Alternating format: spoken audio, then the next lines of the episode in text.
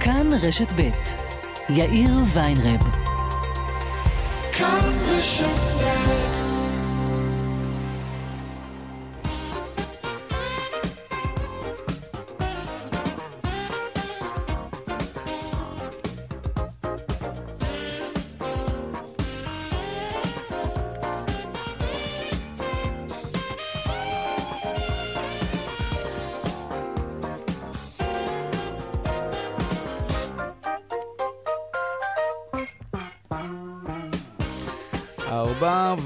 ארבע דקות ושלושים שניות בדיוק. כאן צבע הכסף ברשת ב', יום שני, שלום רב לכם.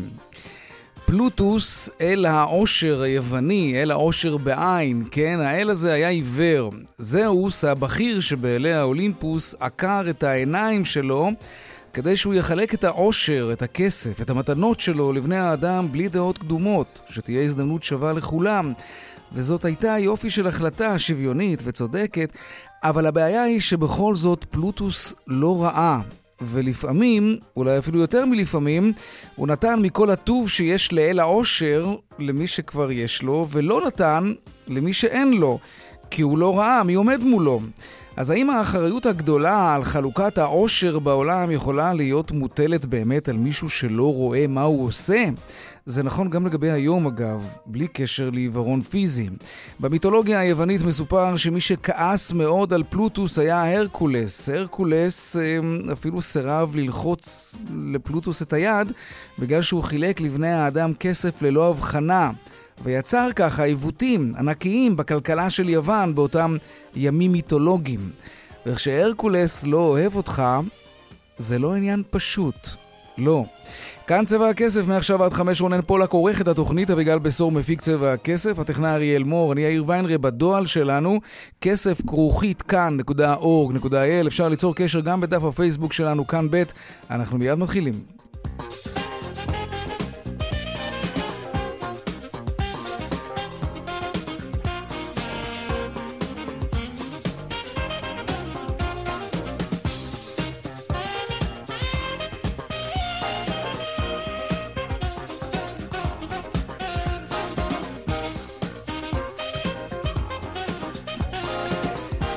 כותרות צבע הכסף ליום שני פותחים גם היום בנגיף קורונה ובהשלכות שלו על שוקי הכספים בעולם. שלום ליאל קייזר, כתבתנו לענייני כלכלה. שלום יאיר. מה קורה? אז קודם אצלנו בבורסה בתל אביב המסחר אה, מתנהל אה, בסך הכל בעליות שערים קלות, תל אביב 35 אה, ותל אביב 125 עולים כל אחד אה, בכחצי אחוז, וזה אחרי שאתמול ראינו אה, ירידות יחסית משמעותיות של כשלושה אחוזים בכל אחד מהמדדים, על רקע ירידות השערים בוול סטריט בסוף השבוע. נגיד, הבוקר אה, נפתח בסין המסחר בבורסה, אחרי אה, שחופשת ראש השנה התארכה בעקבות אה, נגיף הקורונה, הבורסה שם נפתחת אה, בצלילות של כתשעה אחוזים, שמתמתנות אה, לכשמונה אחוזים. בטוקיו ירידות שערים אה, יחסית קלות של אחוז אחד, מעבר לכך בבורסות באירופה המצב בסך הכל אה, נראה טוב, נגיד בעוד פחות מחצי שעה ייפתח המסחר בארצות הברית, ואז נראה איך מגיב השוק שם לנגיף הקורונה יאיר. ליאל קייזר, כתבתנו לענייני כלכלה, תודה רבה. מיד אנחנו נרחיב עוד על הנגיף ועל ההשפעות שלו על התעשייה הישראלית וגם על ענף התיירות. עוד בצבע הכסף, נדל"ן הרשות להתחדשות עירונית קובעת מדיניות חדשה לפרויקטים של פינוי-בינוי, תוספת של עד 12 מטרים בלבד על שטח דירה שתפונה.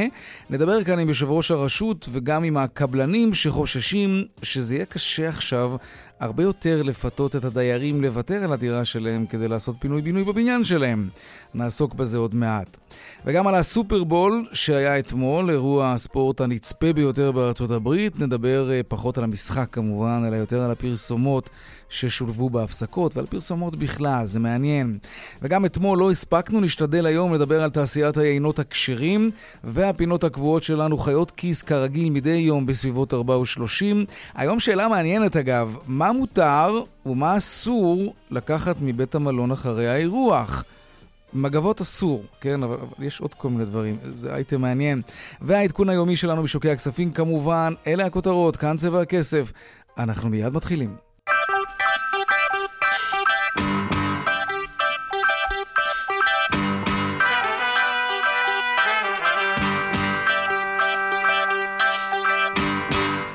יבוא הסחורות מסין לישראל הוא משהו כמו שישה וחצי, שבעה מיליארד דולר, וזה אומר שאם הכלכלה הסינית לא תחזור לעצמה בקרוב, אנחנו פה בישראל נתחיל לראות מחסור על המדפים אולי.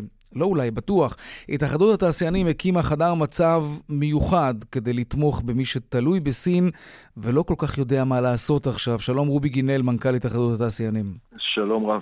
מהם התחומים הישירים, העיקריים, אלו שכבר עכשיו אה, המלאים של חומרי הגלם שלהם הולך ואוזל, וזה עלול להשפיע על קווי הייצור שלהם ועלינו, הצרכנים, כשאנחנו נחפש משהו ולא נמצא. אנחנו מתחילים לקבל uh, קריאות בודדות, אני חייב לציין, ממספר מפעלים שקיבלו התראות על אספקת חומרי גלם ואפילו מוצרים מוגמרים. בענפי הטקסטיל, התרופות, ההייטק, זה חוצי ענפים. היום סיני ממש אתר ייצור בינלאומי, ואנחנו מניחים שאם המשבר הזה יימשך לאורך זמן, אנחנו נמצא, נאלץ למצוא פתרונות אחרים. כלומר, התעשייה שלנו, אה, במידה מוחלטת בוודאי שלא, אבל במידה רבה נשענת על מה שמייצרים בסין. כן, חלק גדול מהתעשייה נשען על מה שמייצרים בסין וגם במדינות אחרות שנמצאות במזרח. Mm, בניגוד למה שהיה אז במשבר אה, הקודם, הסארס, נגיף הסארס, אה, אז פחות היינו תלויים בסין, נכון? עכשיו המצב הוא אחר. כן, לאורך השנים, אה, לצערנו, אנחנו מדגישים את זה כבר אה, זמן רב, ישראל הולכת ומאבדת את העצמאות הייצורית שלה, את היכולת שלה לייצר באופן עצמאי מוצרים, בין היתר כתוצאה מהרעה בסביבה העסקית, ומהניסיון להוזיל את יוקר המחיה הגבוה בישראל, והתוצאה שאנחנו תלויים במדינות אחרות, וגם במשברים מהסוג הזה, כמו גם במשברים אחרים שיכולים להתפתח, משברים גיאופוליטיים, משברים כלכליים. אה, כך שאני חושב שהדוגמה שאתמול התקבלה בהחלטת ממשלה, ההחלטה להקים מפעל, בישראל לייצור חיסונים, זו דוגמה מאוד טובה עד כמה אנחנו זקוקים למפעלים בכל התחומים, גם בביטחון, גם במזון, בעיקר לשמור כן. על עצמאות הייצורית שלנו. זה, זה לא משהו שמאפיין רק את התעשייה הישראלית. בכל העולם הרי קונים חומרי גלם וגם מוצרים מוגמרים מסין. זה, זה נכון, אבל בכל העולם יש uh, בדרך כלל או גבולות פתוחים אם אתה נמצא באיחוד האירופי, או אתרי ייצור עצמאיים, אתה נמצא בארצות הברית, וקל לשנע ממקום כן. למקום. הדוגמה של מדינה מנותקת מבחינה גיאוגרפית, שנשענת בצורה קיצונית, כן. כמונו, על יבוא, היא דוגמה לא טובה. אוקיי, mm-hmm, okay, טוב, אז אתם בחדר המצב יודעים לחבר בין תעשיינים שרגילים לעבוד עם ספקים סינים לבין ספקים אה, במקומות אחרים בעולם שיודעים אנחנו לספק? מנסים, נכון, אנחנו מנסים למצוא פתרונות גם בתוך ישראל וגם מחוצה לה, בעיקר לשחרר סחורות אה, שמגיעות מסין במידה והן מורכבות. זה מצליח? אה, הצלחתם לחבר? כן, כן, בוודאי. Mm-hmm. תגיד, יש, יש ניצול לרעה של הספקים שמתחרים בסינים? מעלים מחירים עכשיו כדי להרוויח משהו כל עוד המתחרים הסינים, שלא אוהבים אותם כל כך, משותקים? לא נתקלנו בדוגמאות כאלה, אבל נתקלנו בדוגמאות של חברות סיניות שפשוט ניתקו מגע ולא העבירו אה, תשלומים או חובות ללקוחות אה, אה, ישראלים. אה, או חשבוניות, או כל מה שנדרש, יש פשוט אזורים תעשייתיים שלמים שכרגע סגורים, מושבתים מפעילות בסין, ואנחנו מקבלים דיווחים על אה, ניתוק קשר. אוקיי, okay. טוב, נקווה שכל הדבר הזה יסתיים כמה שיותר מהר ועל הצד הטוב ביותר. רובי גינל, מנכ"ל התאחדות התעשיינים, תודה רבה. תודה רבה וערב טוב. להתראות. טוב. דיווחים על יחס אה, מזעזע, מגעיל, לתיירים סינים שעדיין נמצאים בארץ. מצד אחד אפשר להבין את החשש מהם כמובן, אה, שהם חלילה עלולים להדביק בקורונה. מצד שני, לקרוא להם מצורעים ולגרש אותם מכל מיני אתרים בארץ זה בלתי נסבל. שלום חיים דוקס, המנכ"ל פרימה. שלום וברכה. גם אתה שמעת על תוקפנות אה, ויחס משפיל כזה כלפי תיירים סינים בארץ? לא, אצלנו, אה, לשמחתי, התופעה הזאת אה, לא קיימת. האמת היא שלא... גם לא שמעתי שמלונות בתל אביב או באזורים שאנחנו נמצאים בהם, שיש תופעות מסוג זה. אוקיי. טוב, תראה, בואו נדבר רגע על זה שזה די טבעי, אני רוצה לומר, זאת לא בדיוק המילה המתאימה, אבל אנשים חוששים מהדבר הזה, ויש גם היסטריה גדולה מאוד בכלי התקשורת. אה, ולא נעים מת מזמן, אנחנו מחויבים לבריאות שלנו ושל הילדים שלנו. מצד שני, אי אפשר כמובן לבזות ככה בני אדם. איך, איך מתמודדים עם סיטואציות כאלה בדרך כלל? תראי, אנחנו מלונאים והתפקיד שלנו הוא לארח, ולכן הסיטואציה הזאת היא זרה גם לנו. אנחנו מנסים uh, לפעול uh, על פי הנחיות של משרד הבריאות, uh, משרד התיירות, והנחיות שהן מאוד ברורות.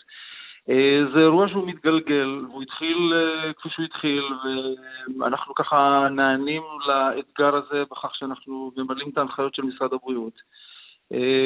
עד כה לא נתקלנו במקרים, כלומר, תיירים שנמצאים בארץ כרגע, אה, להערכתי, טופלו באופן הזה שהם אה, לכאורה אה, חזרו בחזרה, הנחיות מאוד ברורות, ולכן, כלומר, מנסים להתמודד עם זה עד כמה שאפשר בדרך ש, שקיבלנו הנחיות. אוקיי, עד כמה ישראל היא יעד פופולרי בסין? כמה סינים באים לפה בשנה לתייר? אה, שנת 2019 נרשמה כשנת שיא, ולהערכתי הגיעו, על פי הנתונים של אה, הלשכה המשפטית לסטטיסטיקה, סדר גודל של 160-165 אלף תיירים. זה יעד שנמצא בהתפתחות עצומה. אה, רק לחשוב שלפני ארבע שנים כמות הסינים שהגיעה הייתה סדר גודל של 40-50 אלף תייר. כל שנה המספר הזה רק גדל. הם עדיין לא מהווים את הנתח שוק הגדול, אבל הפגיעה מכל האווירה היא מתחילה להיות מורגשת אה, כן. בחודש האחרון. וכן, אה, ביטולים עד מרץ לפחות, אה, במהלך סוף, סוף ינואר, פברואר, אנחנו מרגישים את זה היטב. סין, אגב, אומרת היום שההיסטריה סביב uh, הקורונה מוגזמת, היא מאשימה את ארה"ב שהיא זאת שגורמת לפאניקה ברחבי העולם.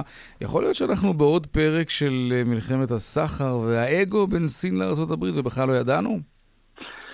אה, זה קצת גדול עליי, סוג של שאלה כזאת, אבל אה, אני חושב שאם קצת ככה ערים לתקשורת, לפחות שמגיעה מסין, אתמול הייתה לי שיחה עם המשרד שלנו בסין, שממוקם בשנגחאי, וזאת עיר של 24 מיליון תושבים, Mm-hmm. שנמצאים כרגע באיזה סוג של חג, הם, הם 24 מיליון איש שנמצאים באיזה סוג של הסגר, זה אומר הרבה, זה לא ממשלת ארצות הברית קבעה, Mm-hmm. זה הסינים קבעו, כך שצריך לשים דברים בפרופורציה בהיבט של המלחמה בין שתי הזה. אני חושב שקיימת, יש לנו בעיה, יש לכל העולם בעיה, וכולנו מקווים שהנושא הזה ייפתר כמה שיותר מהר. ברור. יש, יש עדיין מדינות שממריאות לסין, נכון?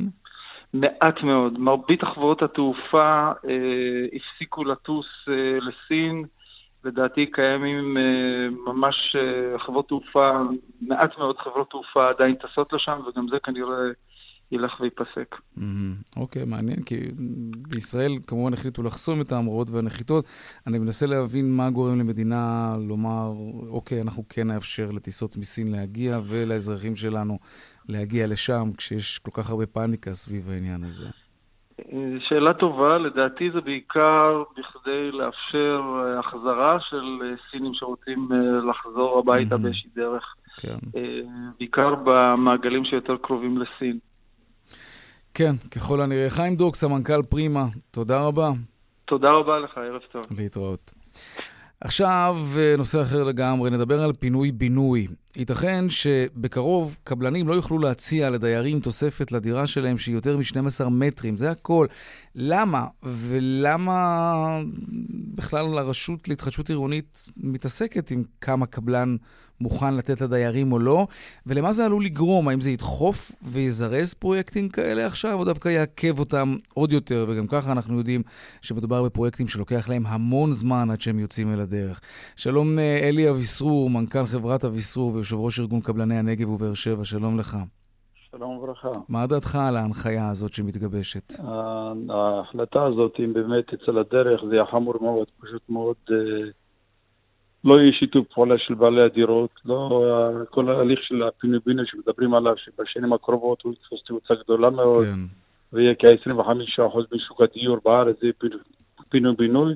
כנראה שאנחנו נחזור אחורה, כי לא יהיה- לא שיתוף פעולה של בעלי הדירות. אבל למה שלא יהיה שיתוף 12 פעולה? מטר, הרי הפינוי-בינוי זה הליך ארוך מאוד, מייגע. נכון, נכון. גם לבעלי הדירה וגם ליזם. והמשא ומתן הראשוני הוא מול, מול הדיירים, ופחות מ-30 מטר, אף דייר ואף אף בעל דירה לא יסכים ללכת למהלך כזה. זה מהלך מייגע, כמו שאני מסביר, ואנחנו עוברים את זה ביום-יום. זה קשה מאוד מאוד, זה לא ניתן, זאת החלטה דומה לתמ"א 38, שפשוט מאוד תהרוס את כל הענף, את כל הענף עד כדי כך? אתה יודע, אני, אני מנסה לחשוב דייר שלא מוכן לוותר על הדירה הישנה שלו, שלך תדע באיזה מצב הבניין נמצא, והעמודים שמחזיקים את הבניין הזה, ובעצם לוותר על דירה חדשה לגמרי, אמנם גדולה רק ב-12 מטרים, אבל בניין חדש, ועם ממ"ד, וחנייה מסודרת, אולי מחסן, להתנגד לכל זה בגלל שהוא מקבל במרכאות רק 12 מטרים, זאת לא, זאת לא החלטה חכמה במיוחד, בלי לפגוע באף אחד. קודם כל, הדירות האלה נבנו בשנות ה-60, ה-70 וה-80. נו, אדרבה. מרבית הדירות עם 35 מטר, 40 מטר, זאת אומרת, לבוא לתת להם עוד 12 מטר זו בדיחה.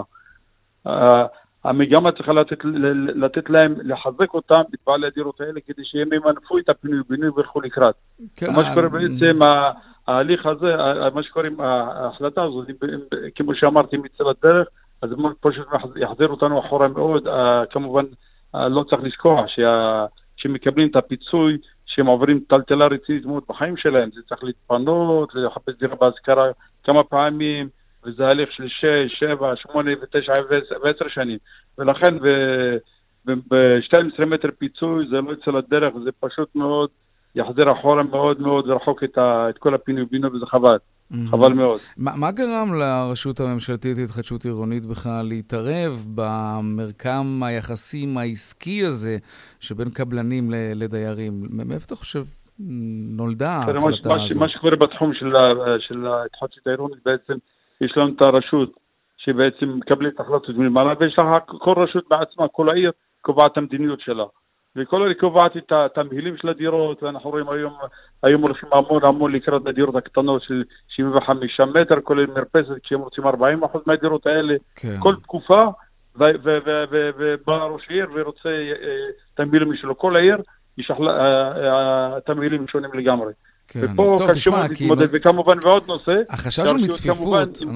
אנשים לא רוצים, אנשים לא רוצים שיבנו להם מפלצות בטון ונדל"ן, ואתה יודע, התשתיות הן גם חלק משמעותי מאוד מכל הסיפור הזה. אתה לא יכול לבנות בניינים גדולים מאוד ודירות גדולות מאוד כשהתשתיות לא תומכות בזה. אז אולי, אולי כאן, מפה, בעצם אנחנו יכולים להבין את ההיגיון בהחלטה הזאת, כדי לא ליצור שכונות מפלצתיות כאלה, אוקיי, שהתשתיות והחניה... ולכן נוצרה...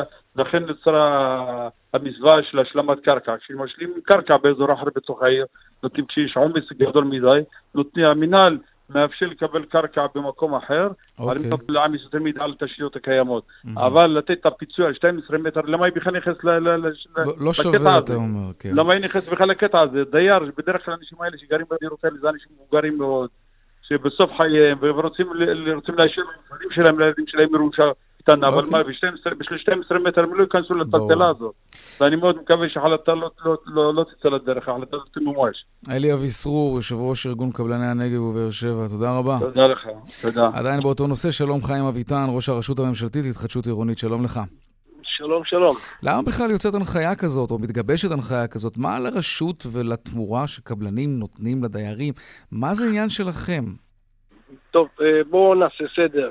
אה, חלק מהתפקיד שלנו זה לייצר ודאות אה, תכנונית ולהוציא לפועל אה, פרויקטים.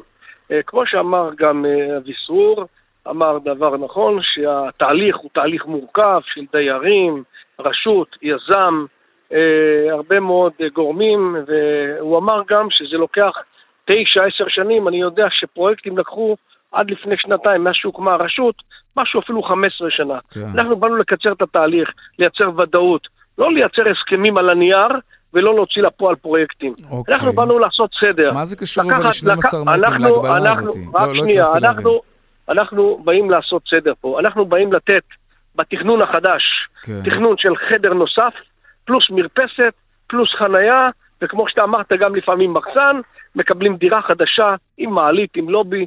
אם נסתכל את הבניינים היום שקיימים בכל השכונות שנבנו בשנות ה-50 וה-60 וה-70, של דירות רכבת, שכונות, שדירות שהיום אה, קשה לגור שם אפילו. אבל אומר אלי שמדובר בדירות של 40 מטרים, אז אתה מגדיל אותם לדירה של 52 מטרים. לא, לא, אנחנו את הדירות הקטנות גם אה, נתנו הנחיה שלא תהיה דירה פחות מ-65 מטר. זה עדיין דירות קטנות אפשר, מאוד, כן. לא חשוב, דירה שהייתה של 30-40 מטר, אתה מגדיל אותה ל-65, אתה מכפיל אותה פי שניים.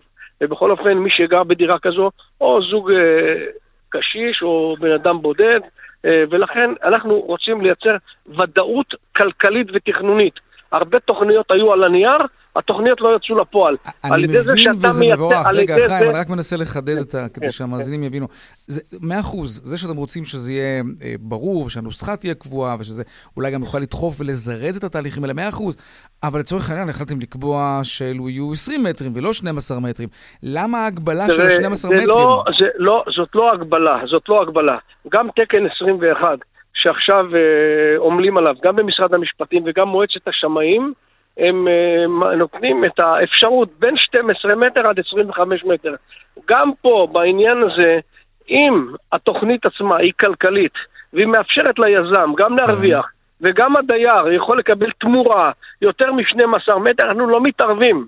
אנחנו, אדרבה, אם ליזם יש רווח יותר גדול, והוא רוצה לתת תמורה יותר גדולה כן. ל- ל- לדייר, הוא יכול לתת. זאת לא הגבלה. קודם אנחנו כל, ממליצים, אה, אנחנו לא ממליצים... הבנו את זה, וגם אלי אביסרור לא הבין את זה, אז זה נחמד שאתה. מבהיר את זה. נכון מאוד, אנחנו, זה, זו, זו, זאת אה, אה, הודעה והוראה שהנחינו אה, אתמול כלומר, שלשום. כל קבלן כן יוכל. עד 25 מטרים כל יזמן להציע. יוכל, אם הוא ירצה להציע 25-30 מטר לדייר, ויש באפשרותו גם להפיק מזה רווח כלכלי וגם להוציא את הפרויקט, אנחנו לא, זה עניין של אוקיי. בין הדייר לבין הדייר לבין טוב, היזם. קצת הרג לא את תהיה האייטם, אבל. בסדר.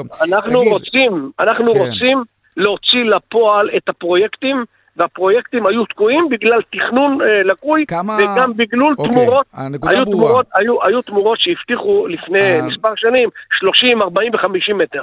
אז הבטיחו, חתמו הסכמים, אבל לא היו פרויקטים. למה? כי היה צריך לבנות מפלצות, והיה צריך לבנות מגדלים, והיה צריך נפח יותר גדול, הבנתי. והם באו אחר כך לוועדות, אמרו לא, אוקיי. זה לא כלכלי, לא מאפשרים, והרשות לא הייתה מאשרת. הנקודה ברורה וההבהרה. חשובה. כן, כן, אני רוצה אבל להתקדם. כמה פרויקטים של פינוי-בינוי היו עד היום בכלל ברחבי הארץ, תגיד? תראה, אני יכול לומר לך בשנתיים האחרונות, מאז אה, שהוקמה הרשות להתחדשות עירונית, אה, אנחנו גם אה, עובדים לפי תוכנית האסטרטגית של מדינת ישראל 2040 בתחום ההתחדשות העירונית. אנחנו בשנה האחרונה, שנה של 2019, הנפקנו אה, 13,000 אה, יחידות דיור, היתרים לבנייה. ושנה ש- שנה לפני כן, אנחנו הפקנו כ-9,000 אה, יחידות דיור, היתרים. במסגרת פינוי-בינוי? במסגרת פינוי-בינוי, ותמ"אות. ותמ"א 38, או שרק ותמ"א- פינוי-בינוי? לא, לא, זה בפינוי-בינוי. ולכן Mm. אני אומר, כל הנושא הזה של הפינוי-בינוי ותמ"א 38, הנושא הזה היה בג'ונגל כללי. לא היה, לא מסגרות ולא שום דבר. הרשות, ברגע שהיא נכנסה אוקיי. לפעולה בתפקיד שלה, עם יצירת מדיניות, הרי יש לנו 25 מנהלות היום בארץ. חלק מהתפקיד של המנהלות זה להכין מסמך מדיניות בוועדת התכנון ובנייה אוקיי. בנושא התחדשות עירונית. בכל עיר יש את המסמך המדיניות ואת ההוראות מאה אחוז. הבנייה. אוקיי. ולכן אנחנו אה, רוצים לייצר ודאות. כותב, כותב לנו אה, מאזין שמבקש להבהיר, האם אתם מבחינים בין מה שנקרא פינוי-בינוי לבין תמ"א 38-2, שזה גם פינוי-בינוי, אבל שפועל בתוקף אה, חוק אחר. גם תראה- בתמ"א 38-2 אה, תהיה את ההגבלה הזאת של בין 12 ל-25 מטרים? בוא, זאת לא הגבלה. אנחנו בתמ"א 38-2 זה הריסה ובנייה מחדש. אנחנו, אנחנו, ועדות התכנון, פינוי-בינוי, כן. כן, אוקיי. ועדות התכנון מאשרות בהתאם לזכויות שיש בתב"ע מהמם. והזכויות עצמם שיש ליזם. אוקיי. ולכן אם היזם, עוד פעם, הפרויקט עצמו הוא כלכלי לו והוא יוכל להוציא אותו אל הפועל, הוא יכול לתת נהדר. לדייר מעל ל-12 מטר. אנחנו, המטרה שלנו זה לייצר ודאות תכנונית וכלכלית. להוציא לפועל עם פחות נפחים, עם יותר יחידות דיור ועם יותר פרויקטים שיהיו בשלים ויצאו לפעולה ולממש אותם וליישם אותם. זה הדבר החשוב. לא להשאיר תוכניות במגירה עם הסכמים של דיירים ויזמים וכולם מרוצים אבל אין כלום. לא לקפוץ מעל הפופיק ואחר כך אי אפשר לעשות שום בדיוק, דבר. אנחנו רוצים. להוציא את זה לפועל. חיים לתת אביטן, לאנשים דירות עם מעלית, עם מרפסת, עם ממ"ד, דירה ממוגנת. חשוב, וחדשה. גם ביטחוני, וחדשה. גם בטיחותי. חיים בדיוק. אביטן, ראש הרשות הממשלתית להתחדשות עירונית, תודה רבה. תודה רבה לכם. להתראות. כביש גאה נחסם לתנועה בשני הכיוונים ממחלף מורשה עד מחלף אלוף שדה בגלל הפגנה. Hmm, תכף ננסה להבין על איזו הפגנה מדובר. בדרך שש צפונה עמוס ממחלף נשרים עד בן שמן, ממחלף קסם עד מחלף חורשים, ובהמשך ממחלף עירון עד מחלף עין תות. דיווחים נוספים בכאן מוקד התנועה. כוכבי 9550 ובאתר שלנו, אתר התאגיד, אתר כאן, פרסומות ומיד אנחנו חוזרים עם אה, חיות כיס, כן.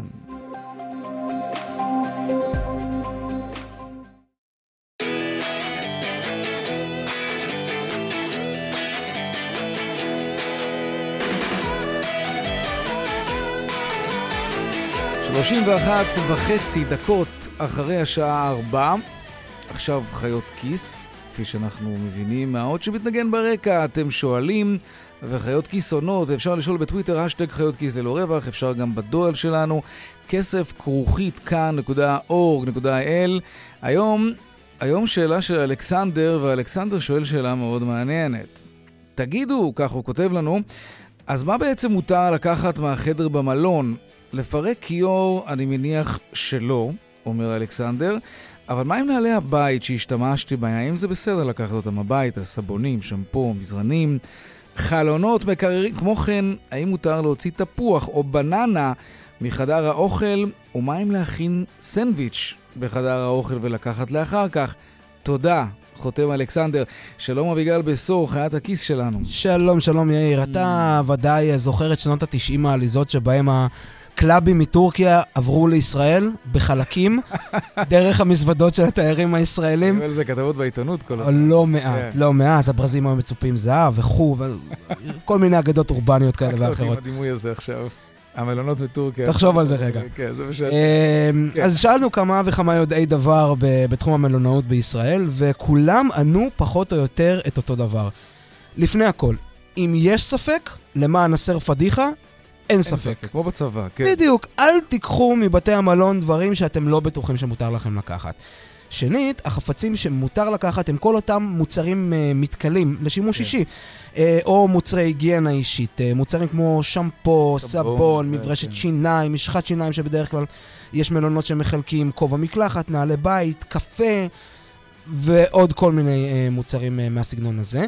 כל מוצר שהוא לשימוש מיידי של האורח, או שהאורח היה משתמש בו בכל מקרה, והוא מוצר מתכלה, מותר לקחת, אפשר לקחת. Uh, מנגד, אסור לקחת שום דבר מעבר לזה, פשוט כלום. כל מוצר שניתן להעביר אותו מאורח לאורח, כוסות, מאפרות ועוד, הוא למעשה רכוש המלון, ולכן... רגע, נעלי בית, מה סגרנו? נעלי בית מותר כי זה היגיינה אישית. אוקיי. כל, כל מוצר מעבר לזה, אה, גם מגבת זה היגיינה אישית. אם אתה מאמץ אותו, אה, בלי ספוילרים. אה, ואם אתה מאמץ כל מוצר כזה, זה בעצם עבירה פלילית. אגב, אתה יכול כן. ל- לחטוף על זה. ולצורך הדיון, יאיר, מגבות אסור. כן. פשוט אסור. לא כולם יודעים את זה, מתברר.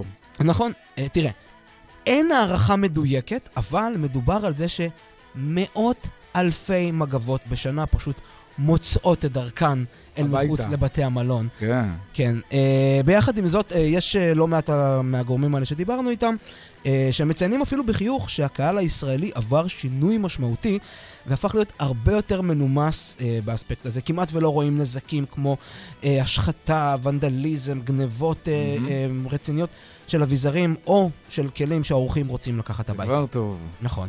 כן. טוב, אז uh, זה די ברור. אני, אני, אני חושב שאם אתם מתלבטים, שבו רגע, תחשבו, שימו יד על הלב, אתם כבר תדעו מה באמת מותר לקחת ומה אסור. כן. בלי להיתמם יותר מדי. נכון. זהו. רגע, רונן פולק שואל משהו. מה אתה שואל? מה רונן? שנדליר לא, אסור. לא, אסור. אסור שנדלר. אסור. טוב, תודה רבה. תודה אביגל לך. חסור, חיית הכיס שלנו, מפיק צבע הכסף, תודה.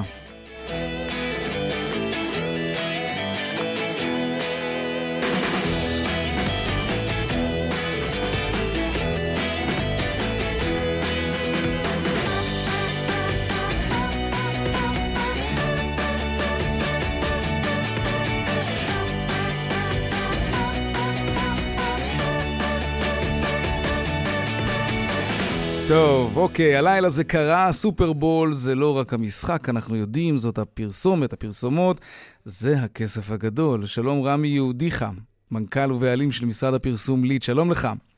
היי, אהבת? מה הכי אהבת? אני בגדול את המופע במחצית אה, של שקירה וג'יילו, אה, נו. אבל מבחינת פרסומות היה, זה חגיגה לעיניים לאוהבי פרסומות. אני באופן אישי אהבתי מאוד את הפרסומת של אה, אמזון, שהייתה פרסומת מאוד מאוד מיוחדת, אבל... רגע, זה היה אה, משהו אפוקליפטי, לא? אם אני זוכר נכון. לא, זה לא היה אפוקליפטי, זה דיבר על, אה, על איך היה העולם פעם לפני שהייתה אלקסה. אה, נכון, נכון, אוקיי, צריך אוקיי. לבקש כל מיני דברים, כן. וכאילו משהו שנראה פתאום לא הגיוני. אנחנו בחרנו אגב קטע דווקא מהפרסומת של גוגל. בואו נשמע קטע אה, שמראה או ממחיש אה, כיצד הטכנולוגיה יכולה לעזור לנו לזכור את האנשים היקרים לנו אחרי שהם הולכים. אוקיי.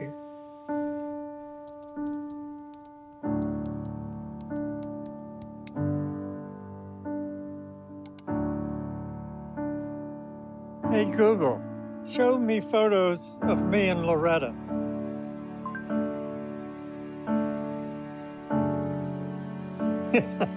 Remember? Loretta hated my mustache.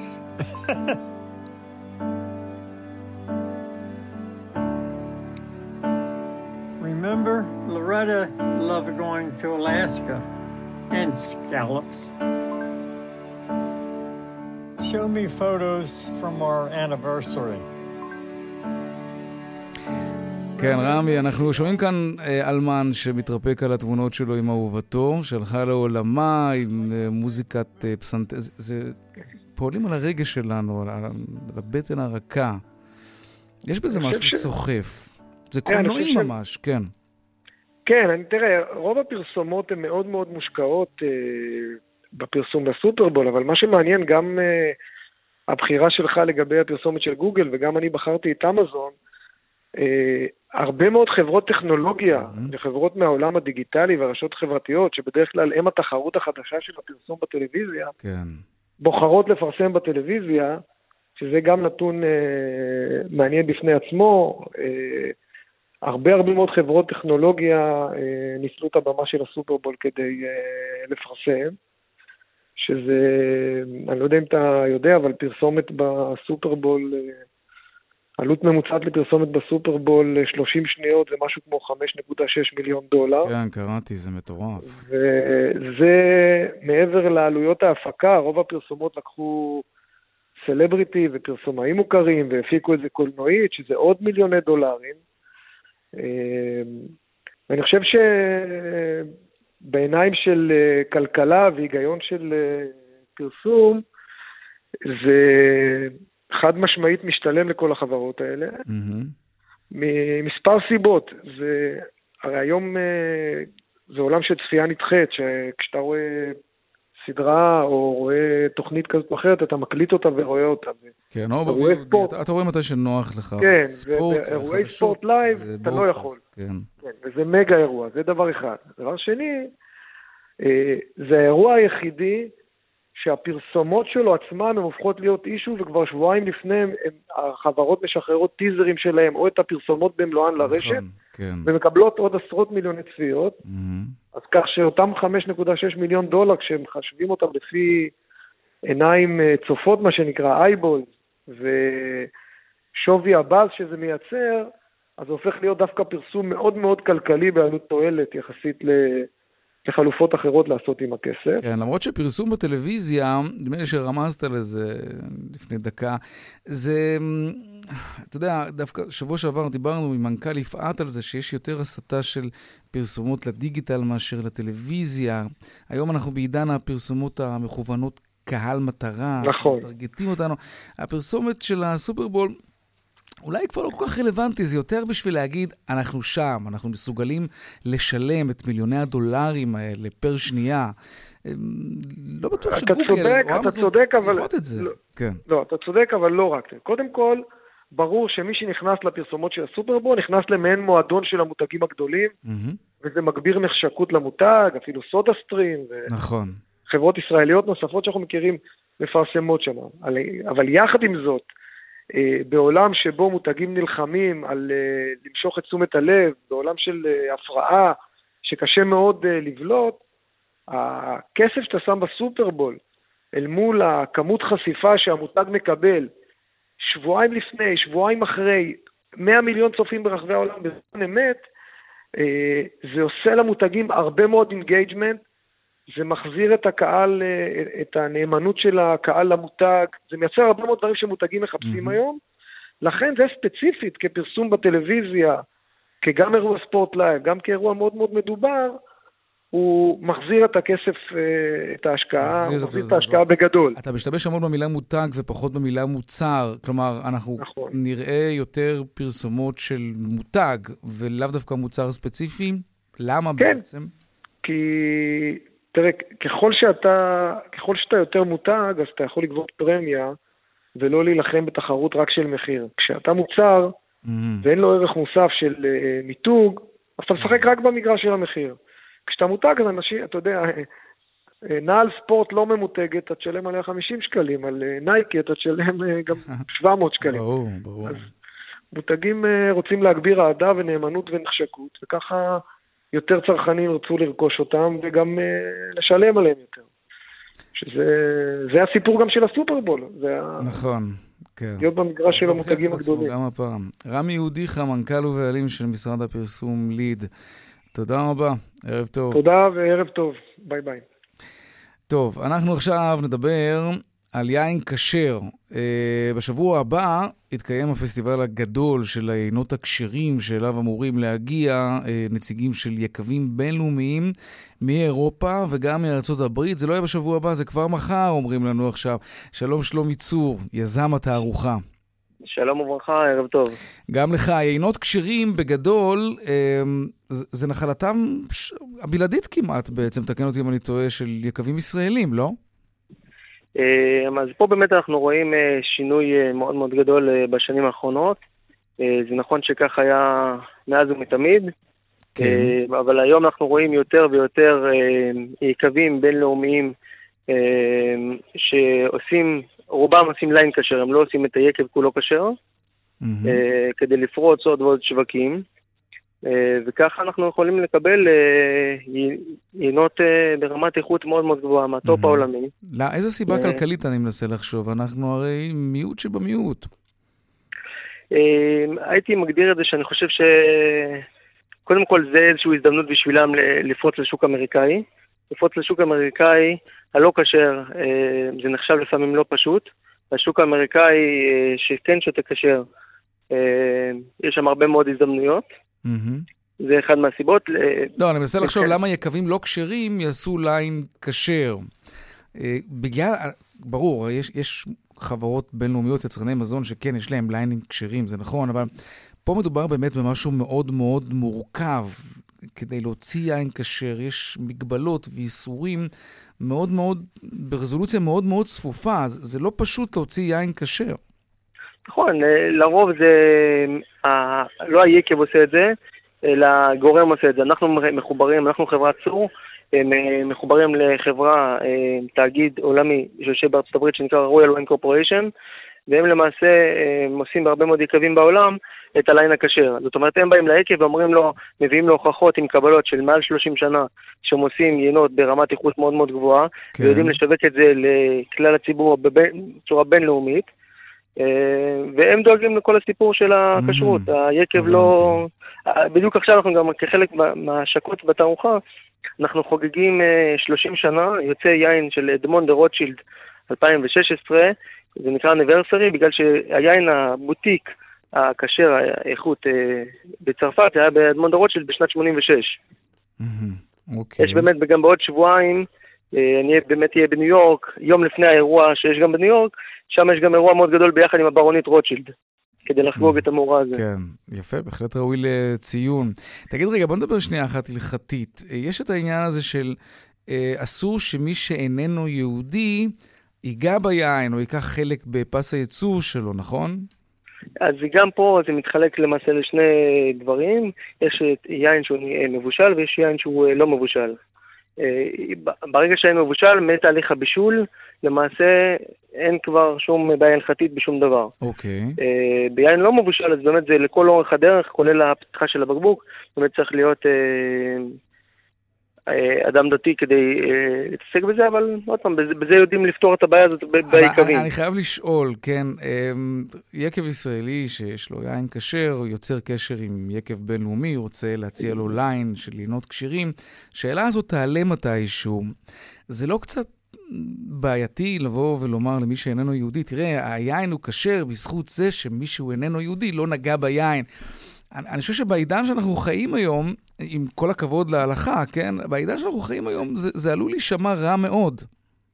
א', אני מסכים איתך לחלוטין, אה, ובמיוחד ביין, אני חייב לשתף אותך ברמה האישית, שזה עוד יותר אפילו אה, מצחיק, כי זה למעשה אותו תהליך בדיוק. אם תיקח יין שאנחנו משווקים כשר, ויין שאנחנו, שהוא לא כשר, מאותו יקב את אותו מוצר, הטעם שלו בדיוק אותו דבר, התהליך שלו בדיוק רק אותו דבר. המוצא של האדם, דתו של האדם, היא זו שקובעת אם היין. כשר או לא. חד משמעית נכון, אבל בסופו של דבר, גם בסופו של דבר יקב זה גם סוג של אה, ביזנס.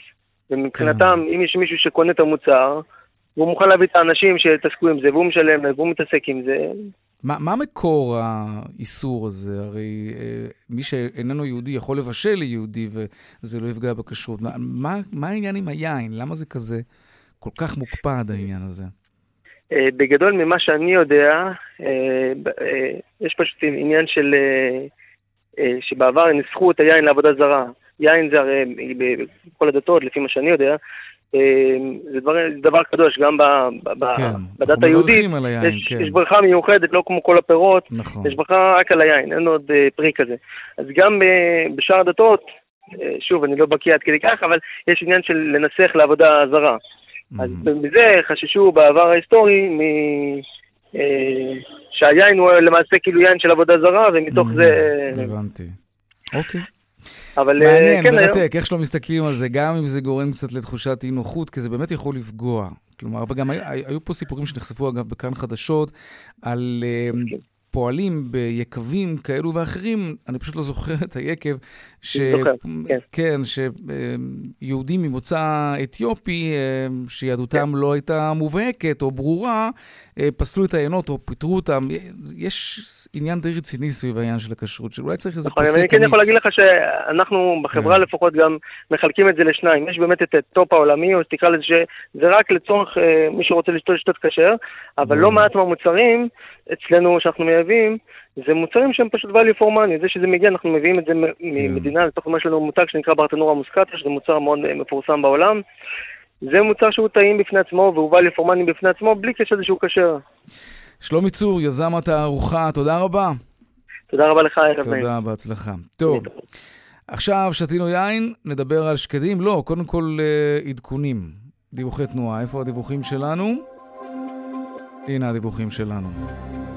לא, אלה הדיווחים של לפני חצי שעה. איפה הדיווחים החדשים? רגע.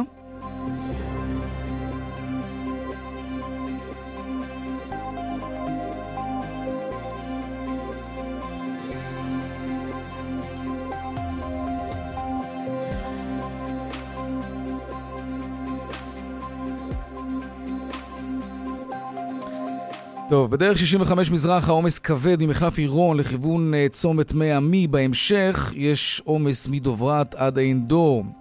באיילון צפון העמוס ממחלף חולון וקיבוץ גלויות עד גלילות, דרומה ממחלף רוקח עד לגוארדיה. דיווחים נוספים בכאן מוקד התנועה, כוכבי 9550, ובאתר שלנו, אתר כאן, פרסומות, ומיד אנחנו חוזרים עם עוד צבע הכסף. טוב, עכשיו נדבר על שקדים, הם uh, מלאים במינרלים ובוויטמינים, והם כבשו את אחיך הישראלי. מתברר שהם הפכו אפילו לנשנוש הלאומי. הצריכה השנתית בישראל עומדת על עשרת אלפים טונות. סקירה מיוחדת של משרד החקלאות, השקדים הוכתרו לאלופי הפיצוחים. הנה דיווחה של כתבתנו מיכל וסרמן. עלייה של 260 אחוזים במכירת שקדים בתפזורת בעשור החולף. כך עולה מסקירה של החטיבה למחקר כלכלה ואסטרטגיה במשרד החקלאות. על פי הנתונים, נמשכת מגמה של גידול בביקוש לשקדים בישראל. הכמות הנמכרת ברשתות השיווק עלתה ביותר מ-30 אחוזים, בעוד שאר הפיצוחים לא עמדו בקצב ונמכרו פחות. דוקטור יעל כחל, מנהלת תחום מחקר כלכלה ואסטרטגיה במשרד החקלאות. הנתונים מראים ששטחי השקדים מאוד אה, התרחבו בחמש השנים האחרונות, יותר מ-50 אחוז. רואים את ההתפתחות הזו בנתונים. יש אה, בערך עשרת אלפים טון שקדים שנמכרים בארץ. חלק גדול בחנויות מתמחות, אבל גם ברשתות אה, השיווק המכירות מאוד אה, גדלות, ובמיוחד המכירות בתפזורת, פשוט הישראלים התאהבו בשקדים. שקדים הם נשנוש בריא, מומלץ. הייצור המקומי לא מסוגל לספק את הביקוש העולה לשקדים. כמעט 40% מהשקדים הנמכרים כאן מקורם ביבוא. במשרד החקלאות אומרים כי הם מרחיבים בהתמדה את שטחי הגידול, וכי שקדים כחול לבן יענו על הצריכה המקומית בתוך כמה שנים. כן, עכשיו לעדכון היומי משוקי הכספים. 102, 200, take.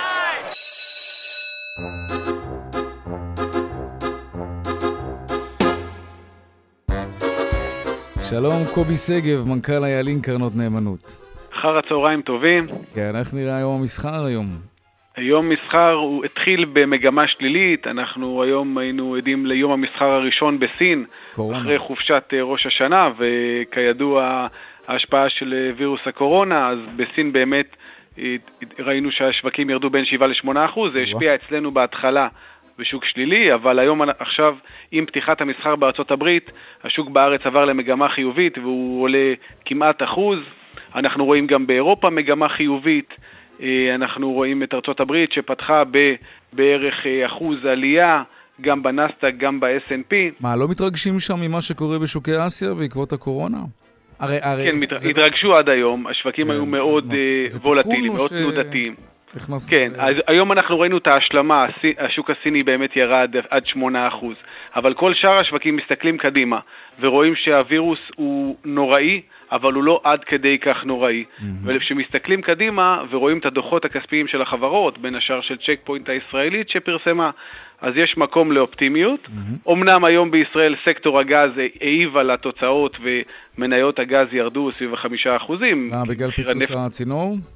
לא, פיצוץ הצינור לא היה, זה כנראה הייתה איזושהי שמועה שניסו... אה, במסגרת ה fake news, כן. אבל מחירי הנפט בעולם יורדים, ולכן גם אה, יש השפעה על חברות הגז. אה, מעבר לזה, השווקים נשענים על מה שקורה בארצות הברית, והסתכלות קדימה, אז אנחנו רואים עליות. אוקיי. יפה. ב...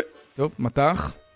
מט"ח, אנחנו ראינו את הדולר בירידה קלה מאוד, 3.446, האירו עלה 0.25, יש לציין ש... זה יום המסחר הראשון בפוצי בבריטניה אחרי הברקזיט, אז אנחנו רואים שם גם עליות mm-hmm. במסגרת העלייה העולמית, במסגרת עליית התשואות, עליית השערים בשווקי המניות בעולם, אנחנו רואים גם שם. כן. והאג"ח הממשלתי, גם היום ראינו ללא שינויים מיוחדים, אפילו אוקיי. ירידות קלות. קובי שגב, מנכ"ל איילים קרנות נאמנות, תודה רבה. תודה לך. עד כאן, צבע הכסף ליום שני. רונן פולק ערך את התוכנית, אביגל בסור הוא המפיק של צבע הכסף, הטכנאי אריאל מור. בדיגיטל אני לוי, הדואל שלנו כסף כרוכית כאן.org.il. אני יאיר ויינרב, מיד אחרינו כאן הערב עם רן בנימיני ויגאל גואטה. אנחנו נשתמע שוב מחר בארבעה אחר הצהריים. ערב טוב ושקט שיהיה לנו. שלום שלום.